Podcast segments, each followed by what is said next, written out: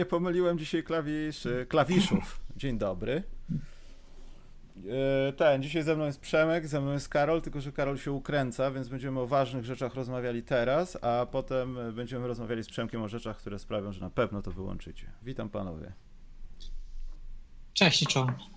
Dobry wieczór. Już widzę pozytywny ton podcastu. Ja mam pierwszą rzecz do Przemka, bo Karola to pewnie gówno obchodziło, mnie też by gówno obchodziło.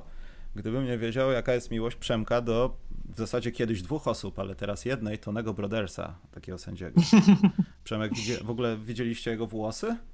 Właśnie tak myślałem, że od tego zaczniesz. Co się tam stało? Przecież Tony Brothers tak bardzo przyzwoicie się starzał, miał, był takim panciem, takim, takim dziadziem, a teraz jest takim nie wiem, czy to mix LeBrona Jamesa i fryzjera Carlosa Buzera, ale to, to nie... To... Amerykanie to nazywają Beijing, że to są takie chińskie włosy, które kupujesz gdzieś, przylepiasz na tą łysą część i udajesz, że się nic nie stało. Ja, znaczy, ja mam to szczęście chyba, że jestem, znaczy nie wiem, szczęście czy nieszczęście, ale nigdy pewnie nie doświadczę e, łysienia, więc, więc nie wiem jak to będzie, patrząc na, na starszyznę w mojej rodzinie. E, ale tak mnie to zastanawia. Ale Przemek, wiesz co, tak, przepraszam. Tak czy... Przepraszam, nie, chodzi, znaczy stra strasznie to wygląda, moim zdaniem, on wygląda nienaturalnie. Nie, nie, ale mówię, czy to takie straszne stracić włosy, że musisz się potem posiłkować czymś takim? Nie wiem, ale zauważyłem, że Przemek nawet w przerwie na żądanie wielokrotnie powtarzałeś, czy tam na przykład w podcaście specjalnym o tym, że w twojej rodzinie jest taka opcja, że ludzie nie łysieją i mi się wydaje, że ty po prostu zaczynasz łysieć i się już tego boisz i po prostu, i po prostu powtarzasz, nie, to się nie, nie dzieje mi. To Mówisz, zakłamuje rzeczywistość. Ej, takie są fakty, człowiek z wiekiem ma coraz tutaj e, jak gdyby szersze łuki na czole, no. Będę siwy jak końcówka brody LeBrona Jamesa. A Karol łysiejesz?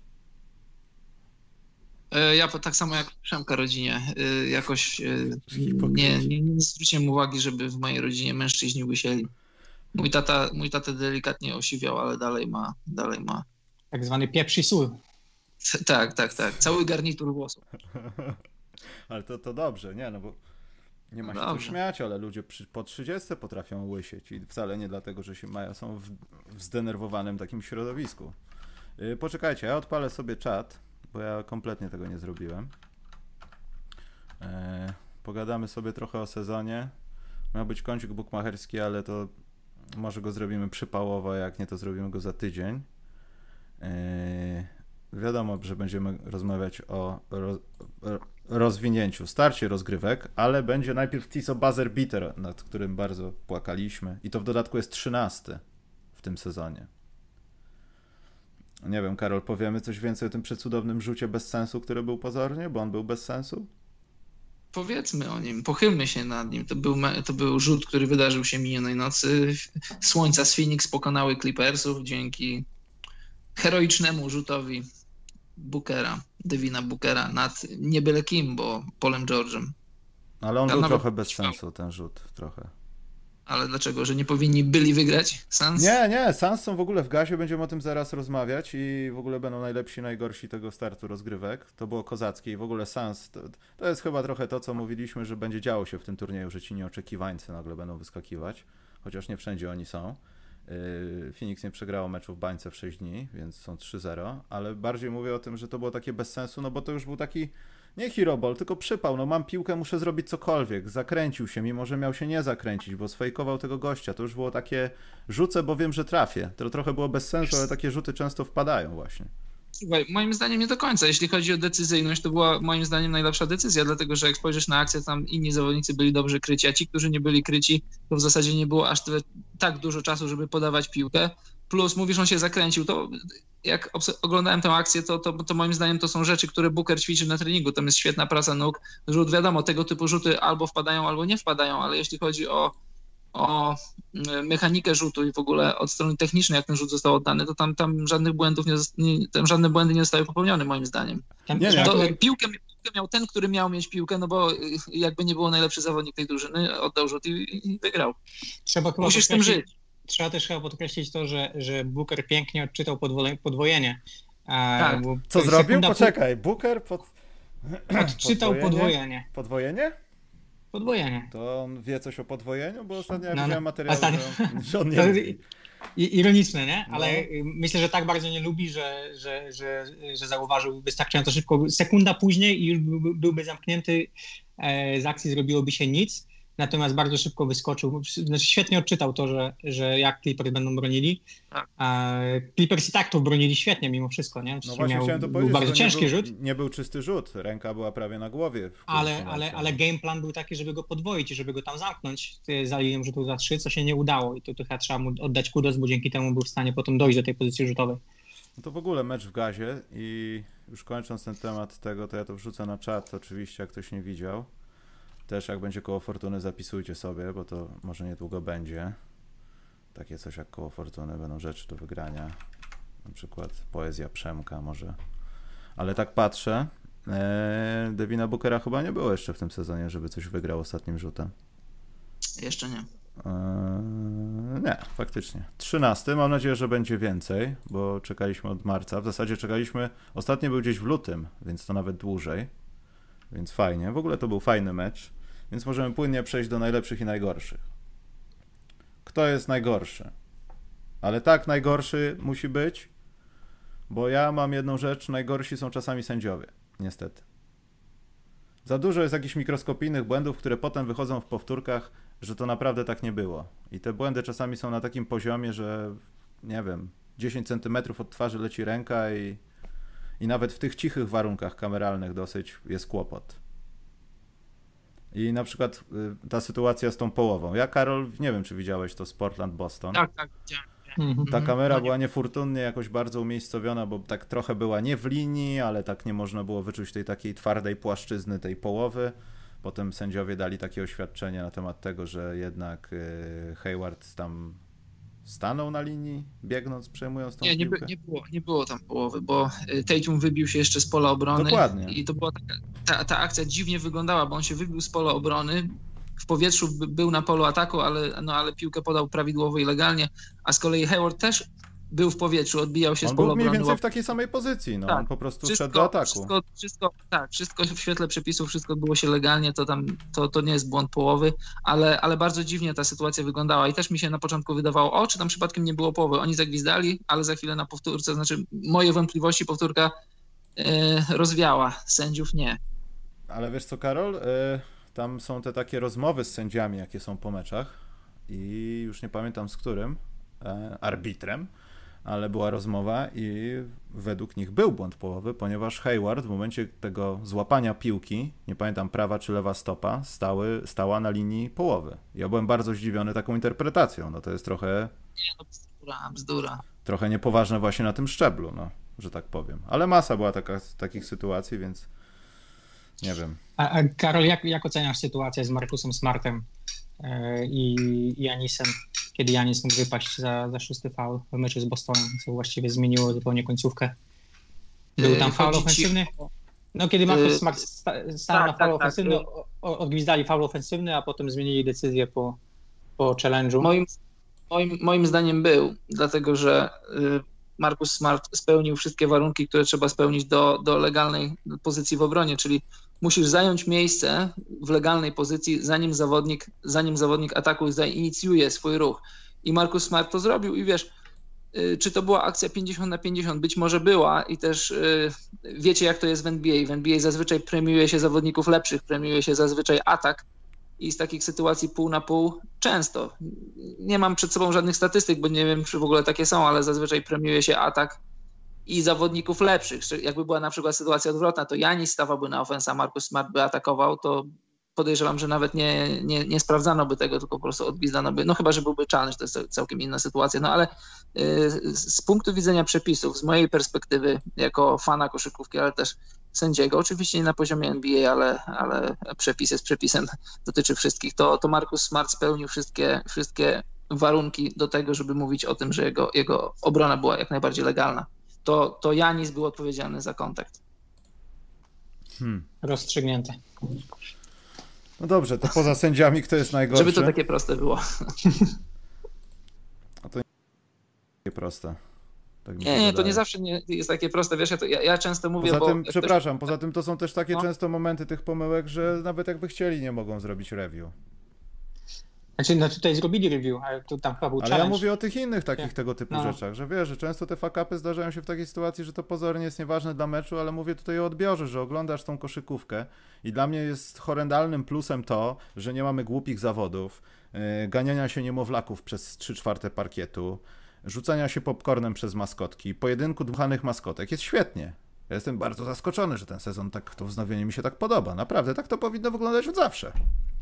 Nie, jest, że nie ma żadnej pani Chinki albo pana jakiegoś malarza, który pryska farbą i w rytm muzyki rysuje obraz jakiś po narkotykach, albo pani Chinki, która rzuca talerzyki na monocyklu. To jest świetne, ale jednocześnie masz dużo pola do obserwacji innych rzeczy i oglądasz właśnie sytuacje sędziowskie i czasami no, taki Janusz wychodzi z człowieka. Człowieku, jak mogłeś to zagwizdać? Przecież to ewidentnie są kroki czy coś.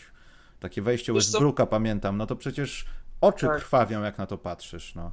Pro- Problem, problem z sędziowaniem jest, w NBA jest taki, że, e, że ta liga jest tak dobrze pokazywana, tych ujęć jest tyle, że taki, tak jak mówisz, przysłowiowy Janusz na kanapie ma w zasadzie więcej kątów do obserwowania danych sytuacji niż sędzia w danym momencie. Ale też jeśli chodzi o sędziowanie, interpretację, to, to moim zdaniem e, ta transparentność, w którą chciała wejść NBA i tyle jest różnych punktów, kiedy sędziowie obligatoryjnie, po prostu obligatoryjnie muszą pójść do monitorów i obejrzeć akcję, to sprawiło, że A, gra nie jest tak płynna, jak mogłaby być, a B, e, no, jeszcze raz wracając do tego przysłowiowego Janusza, on ma, on jest uzbrojony we wszystko to, co uzbrojeni są sędziowie i on, i on niejednokrotnie widzi sytuacje, które wiesz, z pozycji kanapy zdają się łatwe, ale z pozycji meczu nie do końca. Gdybym ja mógł podpowiedzieć NBA i usprawnić trochę, to bym po prostu zdjął kilka tych, e, tych sytuacji, które są obligatoryjne dla sędziów, że oni po prostu muszą je zobaczyć. Mimo, że, że z pozycji boiska sytuacja jest dosyć czytelna i oni już tak wiedzą, co będą chcieli orzec, to gorset przepisów nakazuje im, żeby to obejrzeć. To po pierwsze tracisz czas, po drugie, po drugie no, obnażasz się z tym wszystkim i dajesz pole do, do interpretacji, dajesz pole do popisu na Twitterze, na różnych innych platformach i to zaczyna żyć swoim życiem, a nie zawsze mecz, y, mecz, czyli rzecz, która powinna nas interesować w- pierwszej kolejności. No właśnie chyba ta transparentność, której szukała NBA, odbija się czkawką w tym sensie, że, Tak. y, że zamiast y, co chcieliśmy mieć, chcieliśmy mieć sędziów, którzy, którzy będą musieli odpowiadać przed całym światem za, za swoje błędy i to miało niby poprawić poprawić skuteczność sędziów, co się pewnie nie wydarzyło i się nie wydarzy, bo, bo to są jednak ludzie i, i pewnie są gdzieś tam na maksimum swoich możliwości, jeśli chodzi o, o ilość popełnianych, popełnionych błędów, o liczbę popełnionych błędów. A, a z drugiej strony właśnie tak jak mówisz, no, odbiło się to czkawką w tym sensie, że teraz absolutnie wszyscy będą krytykowali, każdy zna się lepiej a, i do tego tracimy mnóstwo czasu właśnie na takie, na, na takie momenty, gdzie, gdzie ten review pewnie nie jest potrzebny. Mi się podoba idea challenge'u, fakt, że, że, że, że trener może wziąć challenge i to jest myślę ważne, szczególnie nie wiem, wczoraj w meczu Dallas w pierwszej połowie Luka dostawał, e, miał gwizdnięty chyba trzeci foul, e, Rick Carlisle wziął challenge i, i faktycznie faktycznie odjęli mu ten foul, co było istotne z perspektywy Dallas i myślę, że takie rzeczy są ważne, szczególnie na końcówki.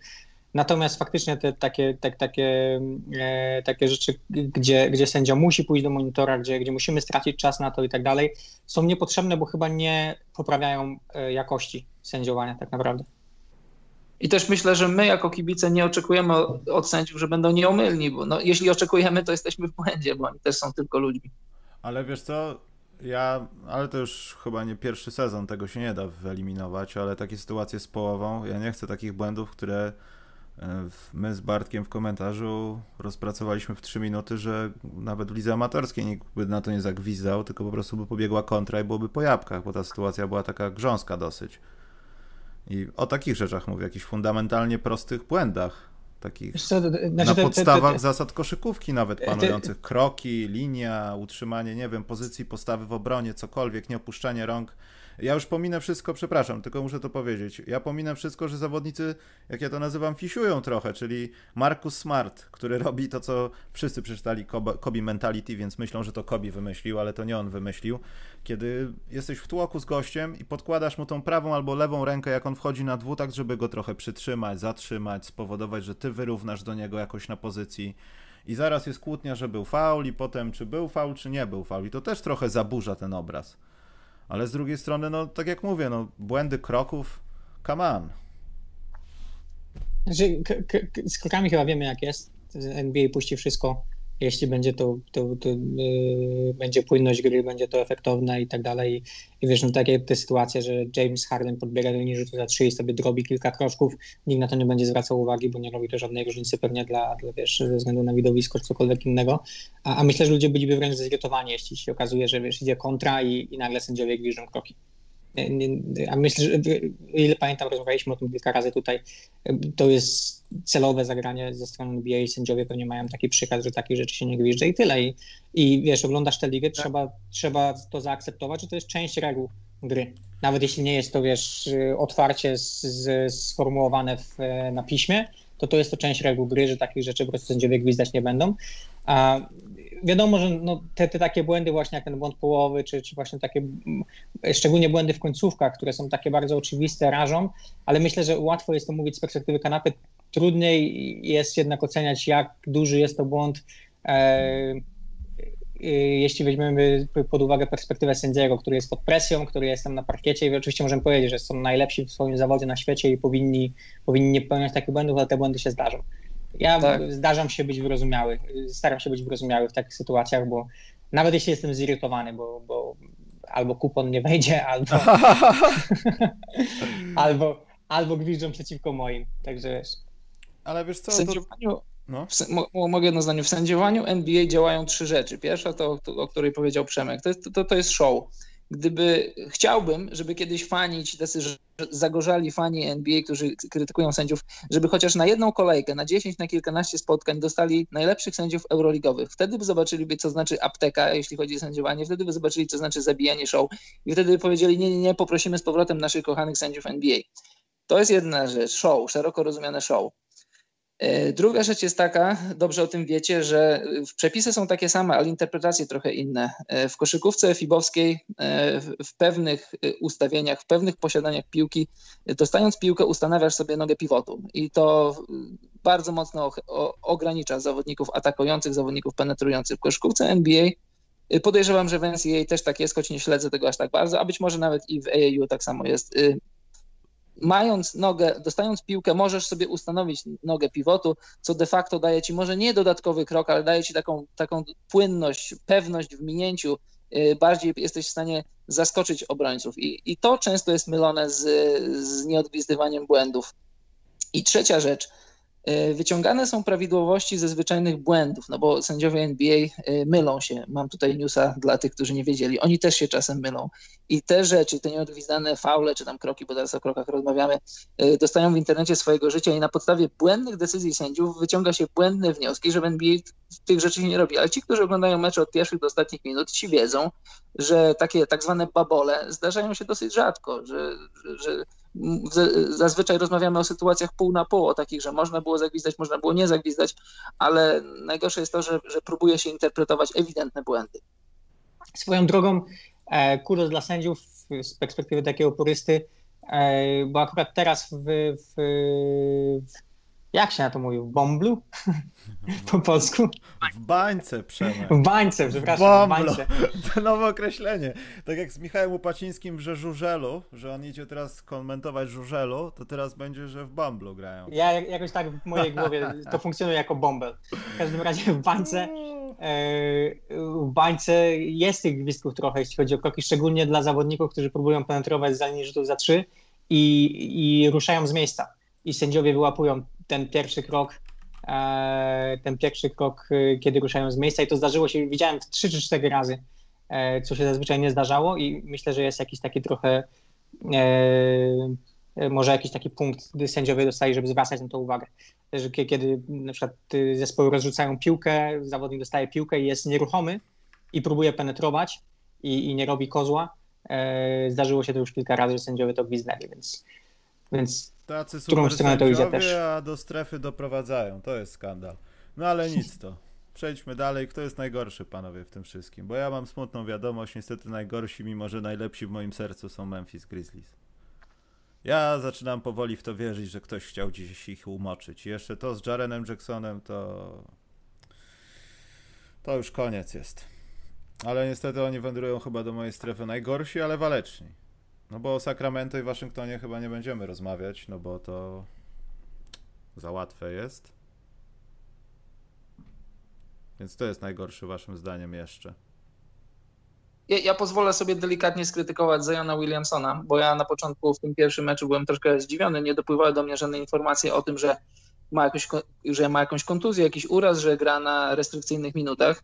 I potem dopiero zaczęło się, zaczęły spływać informacje, że on, fakt, że on po prostu nie jest jeszcze w formie. I tak sobie myślę, że dwudziestolatek, który nie jest w stanie utrzymać, utrzymać swojego, utrzymać samego siebie w ryzach, nie jest w stanie utrzymać wagi, nie jest w stanie y, prowadzić sportowego trybu życia. Wiadomo, że to było bardzo, bardzo utrudnione, no ale jesteś, jesteś zawodowym koszykarzem, jesteś nieprzeciętnym atletą, przyszłość przed tobą i... Multimilionerem i na dzień bardziej, dobry.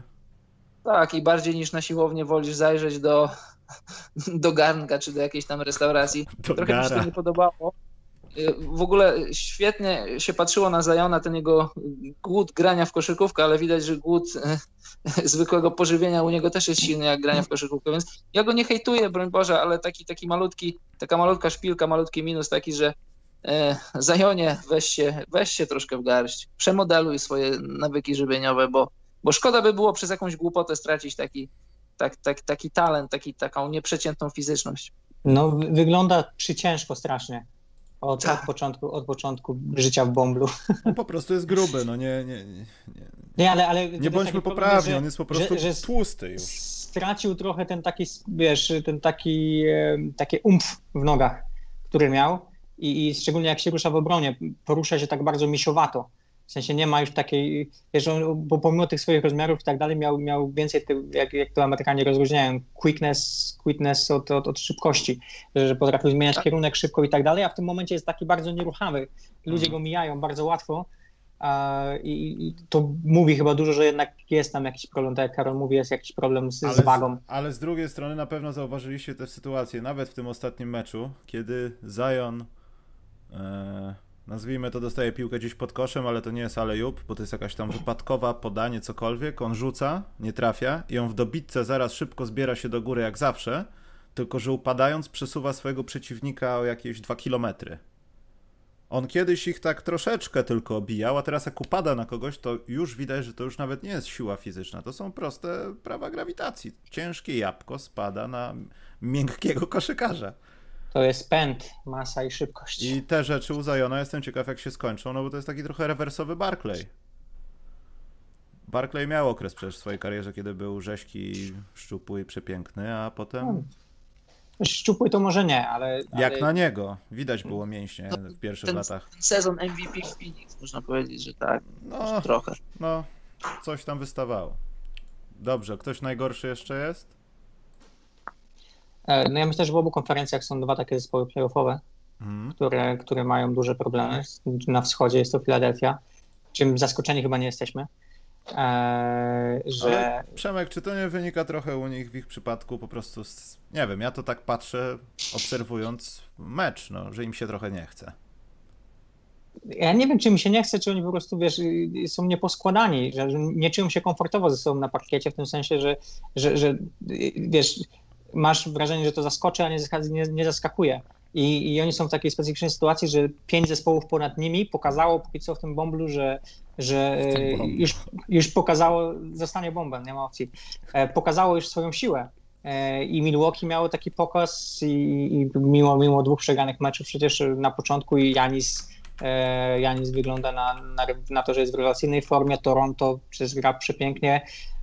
Boston nagle pokazał E, też po, po, po, po pierwszych problemach, że, e, że, że mają tam pakę. Miami miało, miało cudowny mecz z Denver, a potem oglali Boston przecież wczorajszej nocy. No i Indiana z TJ Warrenem, która, która robi szaleństwo. On zarabia e, pieniążki. On zarabia. I masz, i masz, I masz pięć zespołów ponad nimi, które, które wyglądają na to, że są w gazie. Te playoffy są już naprawdę niedługo. I Filadelfia, dni i Filadelfia jako jedyna, która przyjechała z takim poważnym problemem, wiesz, inne zespoły typu Indiana miały problemy, wiesz, kontuzje i tak dalej, Filadelfia przyjechała z problemem, że, że oni jeszcze nie umieją grać ze sobą i, i to, jest, to jest coś, czym, czym, czym mogą się martwić na pewno. No i z drugiej strony jest Utah po drugiej stronie na zachodzie, które też, yy, też wygląda niejako, wygląda jak, jak, jakby yy, jakby, jakby byli jeszcze przed, w, pre, w preseason. I oni mieli takie momenty chyba w, w, w trakcie tego sezonu, że, że nagle coś umierało. Zazwyczaj kiedy Joe Ingles umiera, oni umierają. E, ale to następny taki problem właśnie z problemami, e, zespół z problemami, gdzie, gdzie ponad nim i, i poniżej niego są zespoły, które pokazały, że mają, mają te armata, a Utah jest e, no, wygrali jeden mecz właściwie tylko i wyłącznie przez, przez inkompetencję rywali. A, a reszta, reszta tego to jest ogromne rozczarowanie póki co. Karol? Oprócz Utah i oprócz tego, co powiedzieliście, to nie mam jakichś, jakichś wielkich, wielkich hejtów, wielkich minusów, no bo nie można się pastwić nad Waszyngtonem, bo wiedzieliśmy, z czym Waszyngton przyjeżdża, podobnie Sacramento. Ja bardziej patrzę na, na pozytywy tego, że ta bańka w ogóle się otworzyła i póki co dobrze działa. A poza tym to ja nie pamiętam. Ja to starałem się policzyć chyba do piątego dnia. Różnice spotkań są tak czasami małe. No zdarzają się mecze, w których no już nie, nie, ma o czym rozmawiać w czwartej kwarcie, ale mimo wszystko widać walkę, że te zespoły nawet pozornie, które zdają sobie sprawę, że ich szanse na playoffy czy cokolwiek lepszego niż bycie w tym bomblu, bombel, to, to jest maks i oni walczą i to mi się podoba, że w tej bańce no, raczej nie ma tego odpuszczania. Aczkolwiek, jak patrzymy na takie, powiedzmy, Milwaukee, no, Milwaukee odpuściło bardzo. Milwaukee, taki. Ja nie chcę mówić, że odpuszcza, to mogą być różne czynniki, nie wiem, jakieś pierwsze etapy zmęczenia po tym, jak wszedłeś w gaz i grasz 5 na 5 jest fajnie i nagle tak siadasz trochę. No nie, no, no ale... ale troszeczkę w Dallas to jest też widać, no. Ale Milwaukee ale wiesz... posadziło na ławce wszystkich swoich najlepszych graczy. Tak. Nie, ale ja o tym mówię, no. że mówię o tym właśnie, że zobacz, co się na przykład działo z Antkiem. Ja nie mówię, że to są kłopoty, ale już wchodzą takie rzeczy w grę, jak zaczynasz się kłócić z innymi zawodnikami, coraz poważniej to odbierać, a tak naprawdę Milwaukee, jak Lakers, jak Clippers, im tak naprawdę ta gra niczemu nie służy, to granie w bomblu. Tutaj biją się inni o wejście do playoffów, a oni sobie robią tak naprawdę, oczywiście pozycję przed playoffami, ale mimo wszystko robią sobie taki dłuższy scrimmage. Nie ten no dwuspotkaniowy, tak. I to widać takie, tak jak my mówimy o Filadelfii, no wiesz, Embiid 40-20, ale im się nie chce. Także. No ale wiesz, no. Te, te, rozstawione drużyny to Milwaukee, y, Clippersi, Lakersi, oni nie grają już teraz absolutnie o nic, no chyba, że jakiś tam chcą się pozycjonować, szczególnie chodzi mi o zachód, no bo wschód wątpię, żeby Milwaukee bało się, czy, czy trafi na Orlando, czy na Milwaukee, czy ewentualnie, czy na Nets, czy na Brooklyn Nets, czy ewentualnie kogo trafią w drugiej rundzie. Oni już w tym momencie absolutnie nie grają o nic, czekają na rozpoczęcie playoffów, żeby Janis był zdrowy i wypoczęty. Czy będą przegrywać z kimś po drodze? Pewnie jeszcze będą, no bo wiesz, tutaj, tutaj w tym momencie przewaga własnego parkietu na całe playoffy już ma znaczenie tylko symboliczne. No, też prawda. Dlatego też takie rzeczy nie sądzę, żeby doprowadzały do jakichś większych, e, no nie wiem, wpływu na, na, na większy obraz, ale, ale coś to może znaczyć. Taki jest zdenerwowany Antek, który się już teraz wkurza, oznacza jedno, że on jest nie dlatego, że się pogubił, tylko on po prostu już chce te playoffy. On chce już, on już poczuł gaz i chce te playoffy. I też czasami odnoszę wrażenie, że w tych niektórych drużynach nie widzimy wszystkiego i całkiem słusznie nie widzimy wszystkiego. Już pomijam to, że wszyscy razem są w tym bomblu, więc scouting jest znacznie uproszczony. To Wydaje mi się, że nie widzieliśmy na przykład Antka jeszcze, mam nadzieję, że zobaczymy, to się musi stać w playoffach, tych rzeczy, które powinniśmy zobaczyć, jeszcze więcej tej skali zniszczenia. Mówię tu też o Lebronie, o Antonym Davisie, którego wiezie w ciężarówce, nie wiem czy widzieliście mema, ale tak trochę jest. I to no ale to nie, no? To, tylko, że to nie jest prawda. Co nie jest prawda, że go wiezie? No, że, że tak, że, że Anthony Davis jest tym koniem pociągowym, a LeBron James jest niby tym koniem, który sobie siedzi na. na Ale na... oczywiście, że to nie jest prawda. Ja pytałem, czy mema widziałeś. To oczywiście nie jest. A, mema widziałem, tak. No widziałem i od razu mówię, że się z nim nie zgadzam. No ale zgodzisz się z tym, że nie widziałeś wszystkiego Davisowatego, to co powinieneś widzieć, bo on na to czeka, a nie, że mu się nie chce. To jest akurat chyba prawda, czy nie? No jemu myślę, że się chce. Ale nie, chodzi mi o to, czy wszystko widziałeś w wykonaniu Lakers. Raczej nie. Prawdopodobnie nie. Wierzmy w to, że najlepszą koszykówkę chowają na playoffy. Pragnę w to wierzyć. W końcu mają być mistrzem, także nie wiem. Dobrze, Karol, ile masz jeszcze czasu? Y, czasu mam jeszcze kilkanaście minut, bo właśnie dostałem wiadomość, że pewna rzecz, którą będę musiał robić, y, trochę się przesunęła, więc dobre wieści. z Aha, frontu. Czyli żeby nie nagrywasz e, setki dla telewizji polskiej Tym razem nie. na temat. W ogóle z, zmienimy temat na chwilę. To też jest a propos Tisa, bo ja dzisiaj, Karol, Mhm. chciałem zobaczyć, jak to wygląda Tour, Polo- Tour de Pologne. No bo bądź co bądź, ty już pokazałeś, ja jeszcze nie. Posiadamy produkty, które są trochę związane z Tour de Pologne. Chciałem zobaczyć.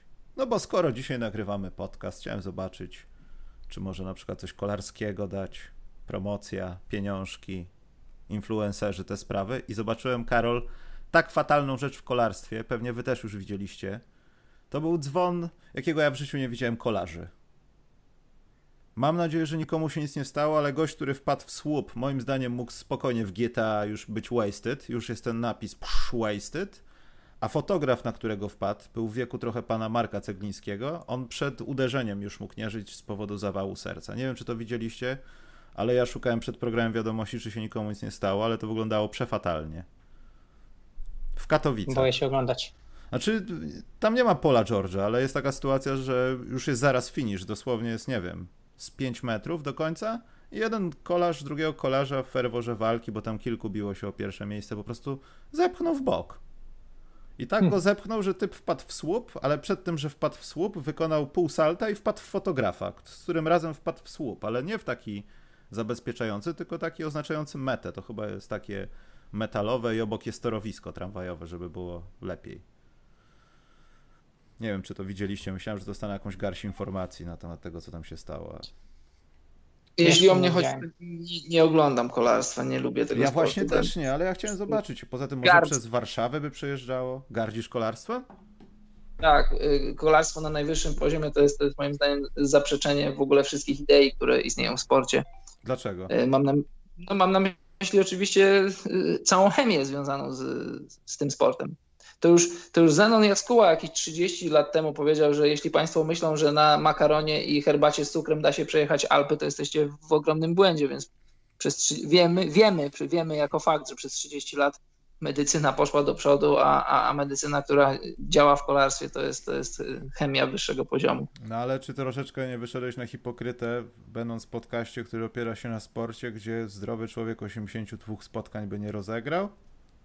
Nie Michał, Czy dlatego nie? że, dlatego, dlatego, że y, w kolarstwie chemia jest, jest twoim być albo nie być. To jest kwestia tego, czy jesteś najlepszy, czy jesteś w top 50. A tutaj, jeżeli masz Lukę Doncicza, który nie jadłby absolutnie niczego poza bananami i wołowiną, to nadal jest fantastycznym, utalentowanym koszykarzem, któremu ewentualnie ta chemia, którą zażywa lub nie, pomaga y, grać nie 30 minut, a 38, zagrać 80 meczów, a nie 62 być zdrowszym, być silniejszym, ale nadal ten koszykarski talent, IQ to jest rzecz, która, której chemia nie rozwija. No nie wiem, mnie po prostu wyścigi kolarskie, pomijając całą sprawę aptekarską, po prostu nudziły. No bo fajnie oglądać jest finisze i tak dalej, ale oni jadą 250 km mimo wszystko i to tak obejrzeć na żywo i oni mają z 12 etapów. No A nie ja wiem. tam, lubi, ja tam lubiłem zawsze oglądać Tour de France na ESPN-ie z duetem komentatorskim. E, Komentarz tak, komentarz to, to, to, to I była su- rzecz. I słuchanie o francuskich, y, o małych, malutkich francuskich miasteczkach, zamkach A, tak. i, o wszy- i o Tak. wszystkim poza tym, co dzieje się na ekranie. I ten helikopter Tak, tak. pokazuje, tam ludzie zrobili kolarza tam z czegoś na polu, nie? Albo jak ktoś goły jest gdzieś tam jakiś ekshibicjonista, tak. A bo tu ktoś się zatrzymuje, żeby się wysikać. Tego Jezu. To był, to był sport wewnątrz tego sportu. To tutaj Przemek masz rację. Wyścigi pokoju to było kiedyś coś, ale ja to nie pamiętam tego absolutnie. Ja za młody jestem. Dobrze, najlepsi, najlepsze rzeczy jakie się dzieją w, w Bomblu. To waszym zdaniem co jest oprócz Phoenix, bo pewnie wszyscy jesteście przehypowani Rickim Rubio. Daj mi, daj mi, daj mi TJ Warrena, 53 punkty, 34, 32. w Ale z bańce. drugiej strony to jest pytanie, komu by innemu, chociaż nie, to jest głupie pytanie, no bo tak dużo to nikt mu nie kazał, ale kto inny miałby tam punktować z drugiej strony teraz? Ale wiesz, ale on punktuje na takich, na takich właśnie- y, skutecznościach No szalonych, że to, No, że to wiesz, normalnie kiedy, kiedy masz taką sytuację, że wiesz, zespoły są przestrzebione kontuzjami, zawsze ktoś wyskoczy, rzuci 30 punktów, ale to jest 30 punktów na 40%, a on rzuca 60% za 3, 60 chyba 4% z gry i, i to od trzech meczów, to nie jest tak, że Tak, wiele meczów tak, się tak. nastukał, nie? no Więc- tak, to jest 100 punktów miał w 10 kwart. Coś I takiego? do, te, I do tego, do tego w sensie TJ Warren chyba robi trochę furorę w tym sensie, że przypomina bardzo mocno tych takich skrzydłowych lat 80., którzy się skupiali na zdobywaniu punktów. By- Była taka, taka cała rodzina koszykarzy, która zdała się, wymarła, zdawało się wymarła zupełnie potem, typu Alex English, Adrian Dantley, e, Mark Aguirre, e, Bernard King i tak dalej, czyli tacy, tacy właśnie troszkę e, troszkę miśkowaci ludzie, którzy, którzy w sensie to były inne czasy, oczywiście TJ Warren rzuca za trzy teraz i tak dalej, ale, ale tacy skupieni przede wszystkim na zdobywaniu punktów. I, i TJ Warren trochę przypomina, przypomina tych, tych, tych, tych graczy właśnie. Widziałem różne porównania do, do Bernarda Kinga właściwie, właśnie na przykład i, e, i myślę, że to jest też taka fajna historia w tym wszystkim. No ale to, to sprawi, że Indiana będzie naprawdę, czy to sprawi, że a, będziemy mówili, że kontrakt TJ Warrena jest, czy też TJ'a Warrena, a i Karol Hero cały czas mówią w Miami. Nie wiem jak to jest, ale cały czas mówią Hero. TJ... Wydawało mi się, że w zeszłym tygodniu rozwiązaliśmy ten problem. Ja mówię. Nie, ale ja to będę ciągnął. Dopóki w Stanach tak będzie, to przecież wiesz, że naszym wzorcem jest USA, Karol. Y, Nie moim, a na pewno nie jeśli chodzi o wymowy. Dopóki, dopóki Adrian Wojnarowski będzie nazywał się Wojnarowski, to, to dla mnie Amerykanie nie będą wyznacznikiem, jeśli nie chodzi o. nazywa się Wojnarowski, tylko Vouch. Jak voucher. Vouch. Vouch. Dobrze, ale TJ Warren, dwie sprawy. To czy to sprawia, że Indiana będzie naprawdę, czy to, że TJ Warren będzie pożądany, może go wytransferują, albo będą wszyscy mówić, zobacz, on zarabia tyle co Marcin Gorta, to rzuca 100 punktów 10 kwart. Zastanawiam się po prostu, gdzie jest koniec tęcz- tęczy. No koniec tęczy jest, jest w playoffach, kiedy, I co kiedy kiedy? I właśnie co wtedy się dzieje? kiedy Właśnie. przychodzą duzi chłopcy do gry i Mhm. póki co przynajmniej ciężko sobie wyobrazić, żeby TJ Warren prowadził wiesz, zespół No playoffowy do, do zwycięstw w, w serii. Kiedy wiesz, ktoś na niego na poważnie wsiądzie. To się miło ogląda, ale tak się zacząłem zastanawiać, co to daje w dalszej perspektywie. Co będzie, będziemy się zastanawiać, Absolut- kogo dołożyć do TJ Warrena, żeby było 200 w 10 kwart? Nie. Absolutnie nic, absolutnie nic to nie daje. Za dwa mecze zagra za 16 punktów, wszystko, się, wszystko wróci do normy. Jak on hejtuje wszystko dzisiaj. Myślę, że tak to będzie. Nie, wydaje mi się, że tam średnia będzie dociągnięta, tylko że to absolutnie nie przełoży się na nic. Indiana jest co? Indiana jest 3-0? 3-0, tak. No i co z tego? No i co Ja, ja, ma, ja mam innego najlepszego, który akurat może zrobić różnicę. Ja I- mam strasznego, no niestety. I też- myślę, i, no. I myślę, że to jest, to jest też super historia. Jusuf Nurkic, który wrócił przecież po, po, po długim czasie do, do, do gry, jest, e, jest bardzo dobry. Wygląda jakby, jakby nie miał kontuzji. E, Wygląda nawet może lepiej niż, niż było właściwie i, i myślę, że te szanse playoffowe Portland są w dużej mierze związane z tym, że, że tam jest, przejął rolę Hasana Whiteside'a i wymiana, wiesz, Hasana Whiteside'a na dużo, dużo mądrzejszego gracza, jakim jest Nurkic, Znaczy, Przemek, robi olbrzymią różnicę. patrząc na to, jak zagrał z Bostonem, to Hassan Whiteside po prostu na własne życzenie się odsunął w cień, bo Hassan Whiteside nie wygląda jak koleś, który grał w Miami. Nie no, wiesz, Hasan Whiteside po prostu nie jest, nie, nie ma jakiegoś tam wysokiego boiskowego IQ, to jest gość do trzepania statystyk, który, który potrafi skakać jak pogo i, e, i zbijać bloki, natomiast no nie jest to zawodnik, którym możesz opierać się myśląc o tym, żeby wygrywać, wygrywać dużo spotkań. Albo kończyć mecze. Albo kończyć mecze. No, no i do tego, do tego myślę, że on też, jak nie jest w takiej roli właśnie, że może kręcić cyferki, yy, dzieje się to, co się działo w Miami, jak, jak Bam Adebayo przyszedł i, i rola Hassana Whiteside'a yy, zaczęła maleć. E, Teraz zaczął się obrażać, nie był już taki zadowolony i tak dalej. I to samo teraz się dzieje w Portland, chyba że on po prostu nie ma motywacji do tego, żeby być graczem rezerwowym. Natomiast nie ma umiejętności na to, żeby być graczem pierwszopiątkowym w zespole, który będzie walczył o coś więcej. Natomiast Nurkic jest, jest taką dobrą historią tego. E, I on też, tak jak obserwuję go na Twitterze, jest, jest takim dobrym gościem, który, który to się nieczęsto zdarza u graczy europejskich, żeby oni byli też taką, takimi duszami towarzystwa, takimi ludźmi, którzy skupiają wokół siebie innych, innych, innych graczy i, i on się wydaje takim, takim dosyć wokalnym liderem też e, w tym zespole i myślę, że, e, że, że taką dobrą duszą tej, tej drużyny, więc, więc fajna historia. Karol, coś mówiłeś? Y, co mówiłem? Mówiłem o Whiteside, w zasadzie to wszystko to, co Przemek powiedział. Dla, te, też mówiłem to wiele razy. Dla mnie to jest y, Hassan Whiteside, to jest ciekawa historia, taka, taka trochę odwrotność Ala Horforda. Al, Al Horford może zagrać za 9 punktów, 6 zbiórek, 4 asysty, być najlepszym graczem na boisku, a Hassan Whiteside może mieć potężne double-double, jakieś 20-25 bloków i być najgorszym zawodnikiem na boisku. W Atlancie. Ale to wiem, no powiedzmy, a wiesz, frustracje pewnie są dodatkowe, bo on będzie wolnym agentem, a to już raczej NBA go, go rozszyfrowała, wszyscy go rozszyfrowali. Statystyki nie idą za tym, co, co przynosi do stołu, ale to wszyscy o tym wiemy i pewnie, wiesz, ten, kto będzie miał do wydania jakieś pieniądze, być może skusi się na jego 15-15, ale w drużynie, która gra o coś, no to, to Whiteside to nie jest to nie jest postać, którą chcesz mieć na boisku, kiedy ważą się losy meczu.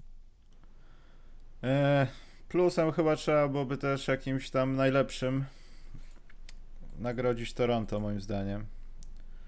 Trzeba. Aczkolwiek Trzeba. ten plus Toronto nie jest tak, jakby to powiedzieć, oczojebny, jak w moim odczuciu plus dla San Antonio. Ja wiem, że San Antonio z tuzami do tej pory tak za specjalnie nie grało, ale dalej to jest ta sama ekipa, co by nie było i tam nie ma jednego koszykarza, który powinien być i jest dosyć dobry, wysoki, rzuca od deski. Ale oni sobie dają radę. Demar DeRozan wygląda na gościa, który w końcu odebrał receptę yy, od swojego psychoanalityka i nie odczuwa skutków depresji. Jest taki waleczniejszy, bardziej się angażuje siłowo. Trochę czasami można zobaczyć to, że trochę tak rządzi tą drużyną, chociaż też nie do końca, tego nie obserwowaliśmy. Jest trochę pewniejszy siebie. To mi się podoba. Aczkolwiek to nie jest tak, że. Moment, 2-1? Wygrali chyba dwa spotkania. 2-1, tak. Dwa to się nie, nie, zakończy za te 12 dni tak, że ich nie będzie w playoffach. To też tak może być. Natomiast bardzo mi się podoba ta przemiana, bo myślałem, że San Antonio wzorem Sacramento pograją sobie jakąś błahą koszykówkę, coś tam pomówimy, że y, jak się nazywa ten zawodnik, Karol, co się z niego śmiejemy? Forbes? Kto to jest? Aż tu nagle rzuca kilka Forbes? punktów. Nie śmiałeś się z niego. To jest na, na taśmie. Tak, śmiałem się. Mhm. Może. E, ale z, te, z, tych dwóch na pewno się śmiałeś, że to będzie podobna historia jak z Cameronem Payne'em na przykład, że on nic w Chicago, nigdzie go nie chcieli, nagle coś gra, że będą tego typu motywy. A San Antonio naprawdę, nie chcę mówić, że będzie czarnym koniem, ale nie będzie uciekało od walki. To mi się podoba. Wiele tych trudności, Popowicz, nie Popowicz, Becky Hammond, prowadzi drużynę, bla bla. Wszystko się dzieje dobrze jak na razie u nich. To jest dla mnie plus. Tylko wiem, że on się zaraz skończy, niestety pewnie. Zagramy z kimś odrobinę w gazie albo trudniejszym w niektórych, nie wiem, meczapach i nas nie ma. Ale Demar DeRozan to plus mój jest. Mamy jeszcze jakieś? Ja mam dla Antonego Davisa. Dlaczego? No myślałem, że nie muszę uzasadniać. No wiesz, e, dodał kilka kilogramów i to są takie dobre kilogramy, nie takie brzydkie jak, jak u Zajona i widać, że mu to pomaga. No, no wiesz, no czy słowa są wystarczającym czymś, żeby opisać jak gra Anthony Davis. No trzeba go po prostu obejrzeć. Świetny jest na bukońcach parkietu, to nie muszę nikomu tłumaczyć. Bo ja mam, i, nie, bo ja myślałem, że powiesz o innej obserwacji. Ja mam niepokojącą dla siebie jedną obserwację na temat Jamesa i w ogóle Davisa i to jest niepokojące dosyć. No ale nic. Plusowa. To A jaka to jest? Taka, że nie wiem, oglądamy przez lata Lebrona Jamesa, może mi ta, jak to Przemek mówisz? Bombel? To się tak Bombel. Bombel. W tym bomblu dzieją się takie rzeczy, które są nieoczekiwane. Jesteśmy zafascynowani, bo tyle miesięcy nie było koszykówki. Teraz to jest tak jakbym NBA w latach 90. oglądał, tylko takie dziwne, bez ludzi. Psy są czasami na publiczności, albo kobieta z biustem bez ubrania, ale mam wrażenie, że Anthony Davis gra z LeBronem Jamesem, albo go tak traktuje w taki sposób, jakby nie chcę powiedzieć, że byli na tej samej półce, bo nie są, ale że może pierwszy raz widać coraz mniejszą taką akcję uczeń-mistrz, tylko Antony Davis robi swoje rzeczy i oni są jak gdyby na układzie partnerskim bardziej niż na terminator i szkoleniowiec na przyuczeniu, rozumiesz? I to da się odczuć w tych meczach, że nie ma, nie ma czegoś takiego, że wiesz, wszyscy są, są te momenty, zawsze będą, jak będzie LeBron James w drużynie, ale że patrzenie na Lebrona jak na Pana Boga, co on teraz zrobi? Czy on wyhoduje skrzydła? Nie, Antony Davis bierze piłkę z rogu, wali truje i ma to w dupie. Wiesz co, mi się wydaje, że, że nawet samemu Lebronowi nie zależy na tym, żeby ten układ był taki e, ojciec, Ale jemu czy... nigdy, nigdy na tym nie zależało, tylko tak to się działo po prostu, bo Lebron był Panem Bogiem Wiesz, koszykówki w każdym składzie. No. wiesz, no może nie do końca, bo wcześniej próbował brać pod swoje skrzydła Kyriego, wiemy jak to się skończyło. Y, z Boszem i z Wade'em było, było trochę inaczej, a tutaj wydaje mi się, że, że samemu LeBronowi zależy na tym, żeby Anthony Davis czuł się, jeśli nie liderem, to współliderem tej drużyny. Jeżeli on chce go uczyć na różnych poziomach koszykówki, czy, czy ogólnie y, przekazywać swoje doświadczenie, to chce to robić jako tak zwane protipy bardziej niż y, brać Antonego Davisa za, za ramię i mówić mu, słuchaj AD, róbmy to, to tak i tak, żeby, wiecie, ciężko powiedzieć, co będzie w przyszłości, bo Anthony Davis będzie wolnym agentem i mało się o tym mówi, bo prawdopodobnie się to nie wydarzy, ale gdyby to się mogło wydarzyć, to za przeproszeniem Lakers i LeBron i jego legacy, jego kariera będą y, przez moment albo przez dłuższy czas y, w czarnej pupie, bo bo Lakers oddali bardzo, bardzo dużo na teraz, bardzo, bardzo dużo na przyszłość i jeżeli LeBron chce zdobywać tytuły i gonić Jordana, a chce to robić, to Anthony Davis jest jego, jest jego niezbędnikiem.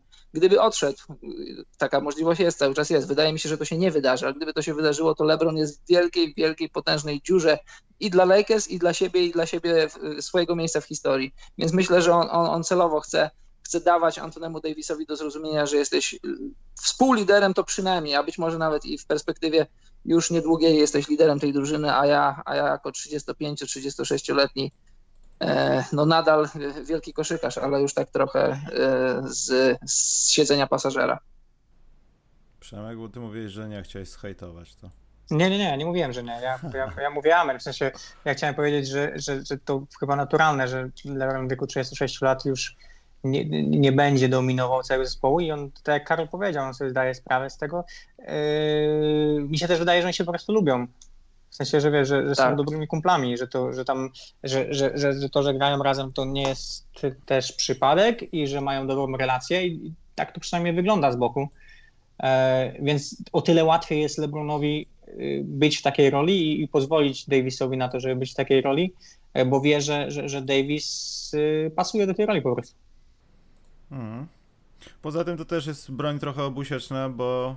Ale on, wszyscy na pewno zdają sobie z tego sprawę. No i przede wszystkim LeBron, że nawet zdobycie tytułu, chociaż to też różnie może być, bo nie wiadomo co z następnym sezonem. Zespoły spoza bańki pewnie zgłoszą lockout, bo czują się pokrzywdzone, bo Chicago przecież z Detroit chce grać w kosza, a nie patrzeć jak, jak inni grają.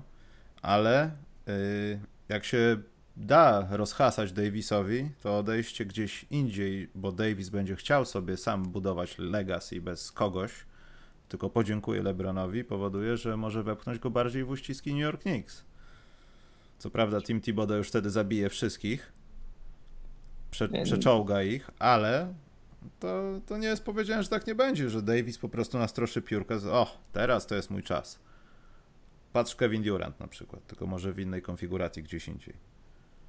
Słuchaj, no gdyby, gdyby Lakers zdobyli tytuł, to by była komfortowa sytuacja dla wszystkich, dlatego że LeBron przynosi tytuł jako, jako, jako zawodnik, który to robi po raz pierwszy w historii. Trzy tytuły, trzy tytuły z trzema różnymi klubami. No zakładam, że zdobyłby MVP, zakładam, że byłby cały czas uważany za lidera Anthony współlidera tej drużyny, no i wtedy dobudowujesz do, do swojej historii, dobudowujesz do swojego legacy, zbliżasz się do Jordana, jak blisko to nie wiem, bo to otwierasz kolejną dyskusję której chyba na dziś wieczór chcemy uniknąć, ale, ale no w takiej sytuacji tak, a, a gdyby Lakers nie zdobyli tytułu, no to, no to wtedy wiesz, i, i dla LeBrona, i dla Lakers to jest, to jest poważny kłopot, Anthony Davis nie chcę powiedzieć, że on ich trzyma w szachu, bo ja nie wiem, tak, ja się z wami zgadzam. Wydaje mi się, że tam są takie relacje, że oni się po prostu dobrze ze sobą czują i w ich wspólnym interesie powinno być granie razem. No ale wiesz, też nigdy nie wiadomo, jakich tam ludzi masz w swoim otoczeniu, kto komu co podpowiada.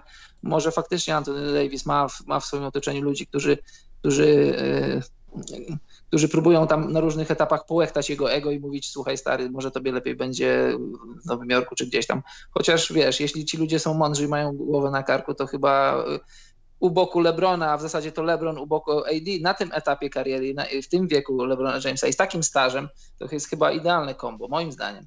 Tak. Dobrze, to co? Nie mamy najlepszych już? Nie mamy żadnych najgorszych? Nie, no jak nie mamy najlepszych, to... Co mamy jeszcze w sensie... najlepszego, Przemek? Ja, Słucham cię. Ja, ja, w sensie to może być kontrowersyjne trochę, bo, bo, bo Luka, Doncic, Luka Doncic nie jest najlepszy w tym bomblu jeszcze, ma problemy z trójką, a ma Dallas oczywiście ma te problemy w crunch. Wczoraj udało im się wybrnąć z tego tylko i wyłącznie dzięki temu, że grali z Sacramento. żeby jak, jakikolwiek inny zespół pozwoliłby im, by im, by im na to zdobyli 6 punktów w ostatnie 6 minut kwarty. Ja przepraszam, ja chciałem A... tylko powiedzieć, że jest mi bardzo przykro, że Diaron Fox tam jest. Jest mi bardzo źle z tego powodu. No, wczoraj Bogdan... Mogę ci, mogę ci, prze, prze, mogę ci przerwać, e, takie jest jedno powiedzenie. Dallas Mavericks zapraszali Sacramento do wygrania tego meczu. Sacramento Kings podziękowali, powiedzieli nie. Tak, no, do, do, dokładnie to się Baseball wydarzyło. South Park. Bogdan Bogdanowicz był w bardzo ciemnym miejscu aż do momentu, kiedy w ostatnich sekundach trafił jakąś trójkę z niczego. Um, ale, ale co mi się podoba, z czym Luka przyjechał do Bombla, e, przyjechał, z takim, przyjechał z takim bardzo silnym nastawieniem, żeby grać do kosza. I, i, i generalnie gra jak buldożer. E, ma problemy z tą trójką, trafił do tej pory trzy trójki dopiero chyba w, w tych trzech meczach.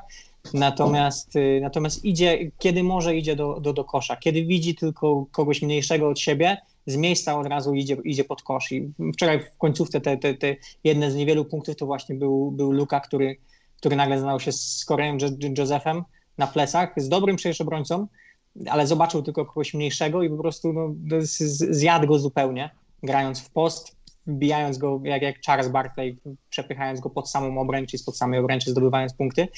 E, I to jest trochę niesamowite, bo to jest gracz, to, on nie ma jeszcze 22 lat i, i jego gra ewoluowała, ewoluowała w tę stronę już. I, I, pamiętamy dobrze, że ci najlepsi gracze właśnie nagle otwierali sobie zupełnie nowe możliwości, kiedy, kiedy ich gra ewoluowała w tę stronę, że byli w stanie grać pod koszem, byli, byli w stanie grać w post. To i się wydarzyło z, z Kobe Bryantem, i się wydarzyło z LeBronem Jamesem. E, I, i Luka jest na tym etapie tylko w wieku 20, mniej niż 22 lat. I to, to jest niesamowite. I myślę, że, że, że, że te, te problemy w crunch, które Dallas mają i tak dalej, w pewnym momencie miną właśnie dzięki temu, że, że, że, że Luka nagle dla niego otwierają się, otwierają się opcje zdobywania łatwych punktów, e, robienia mismatchy na, na ludziach ze swojej pozycji. E, i to przyniesie, przyniesie olbrzymie, e, olbrzymie korzyści Dallas na lata podejrzewam. I to, to stało się już tak szybko. Bodajże zdobywa 75%, y, trafia 75% y, y, swoich rzutów spod kosza w tej chwili, czyli taki szalony poziom, na którym zazwyczaj był tylko LeBron. E, no i to jest niesamowite, w jaki sposób wiesz, kończy na kontakcie, w jaki sposób potrafi wykorzystywać to swoje ciało. E, czegoś, czego się chyba nikt nie spodziewał. Wszyscy zawsze mówili, że wiesz, Luka przyjdzie. zrobi jego przeciwnik, tak, to jest Luka, przyjdzie, Luka przyjdzie do NBA i, i, zderzy się z tymi atletami NBA i nagle się okaże, jak, jak, jak, jak, jak, jak jeszcze dużo mu brakuje. On przyszedł i te ciała NBA zderzają się z nim. I, i nagle się okazuje, że niczego mu nie brakuje. I, i jestem pod dużym wrażeniem tego, że, że w, w takim młodym wieku inwestuje w tę część swojego rozwoju, jeśli chodzi o koszykówkę. A mi się trochę wydaje, Przemek, że to jest jedno, a drugie to jest to, że trzeba pamiętać, że w Dallas jest Kristaps. Y, I w idealnej sytuacji, w idealnym połączeniu Doncic powinien mieć oparcie takie, że, że może nie zawsze będzie musiał rzucać za trzy punkty, bo tam gdzieś Kristaps jest z pewną trójką gdzieś tam z rogu czy na łokciu, a on wtedy będzie zajmował się penetracją. Bo myślę, że to powinno być też takim głównym punktem Dallas do dalszego rozwoju. Nie w tym, w następnym, jeszcze w następnym sezonie cokolwiek. Żeby doprowadzić do tego wzorca spacingu, żeby nie było tylko Doncicza, który musi robić wszystko, tylko zawsze automatycznie gdzieś w tych sytuacjach masz Kristapsa, który stoi i po prostu, już mówiłem o tym zawodniku, rzuca ci jak Durant z 10 metra. Wystawione absolutnie bez krycia, wiesz. I myślę, że to powinno z tego wynikać, ale niewątpliwie no Doncic ma kłopoty z tym. Tylko to jest tak samo jak z Antkiem. Może to jest taki moment tego, że wszystko do... Głupie porównanie, obóz sportowy. To mi się kojarzy z jakimś draft campem. Oni przyjechali wszyscy w jedno miejsce i w jakiejś części cyklu możesz od... uderzyć w jakąś małą ścianę. Jesteś cały czas w tych samych warunkach, chodzisz na rybę tylko przez trzy tygodnie już. Wiesz, tego typu rzeczy. Znudzenie materiału jakieś. Małe, bo małe, ale zawsze. Nie wiem, ktoś coś mówił. Ja chciałem tylko dodać jedno, jedno zdanie, że, że ciekawie się ogląda Dallas, bo to może być jedno z oblicz y, nowoczesnej koszykówki XXI wieku, że, że jest y, niższy, ale za to silniejszy i penetrujący, czy grający tyłem do kosza Luka Doncic, a Krzysztof Porzingis penetrujący tam, tam patrolujący raczej, raczej trójkę, rzucający za trzy punkty, ale z kolei w obronie grający pod koszem i blokujący, to też daje dużo możliwości Dallas i switchowania i kombinowania, a to co wszystko, co powiedział Przemek, zgadzam się w 100% i to, to, to też jest takie fajne, że, że w tym wieku już ma taką świadomość swojego ciała i też e, ten taki bałkański zadzior, że, że to, to, nie jest ważne, że on gra drugi rok, on idzie, on idzie, on idzie po swoje przeciwko każdemu i, i, no i stawiam kropkę, bo w zasadzie powiedzieliście już wszystko. A korzystając z okazji, że jestem przy, przy głosie, to chciałem, chciałem y, moich serdecznych kolegów y, pożegnać i słuchaczy też pożegnać. Niestety już muszę na dzisiejszy wieczór kończyć. Będę was słuchał w samochodzie, ale niestety mówić już nie będę. Kolarstwo mógł. będzie oglądał.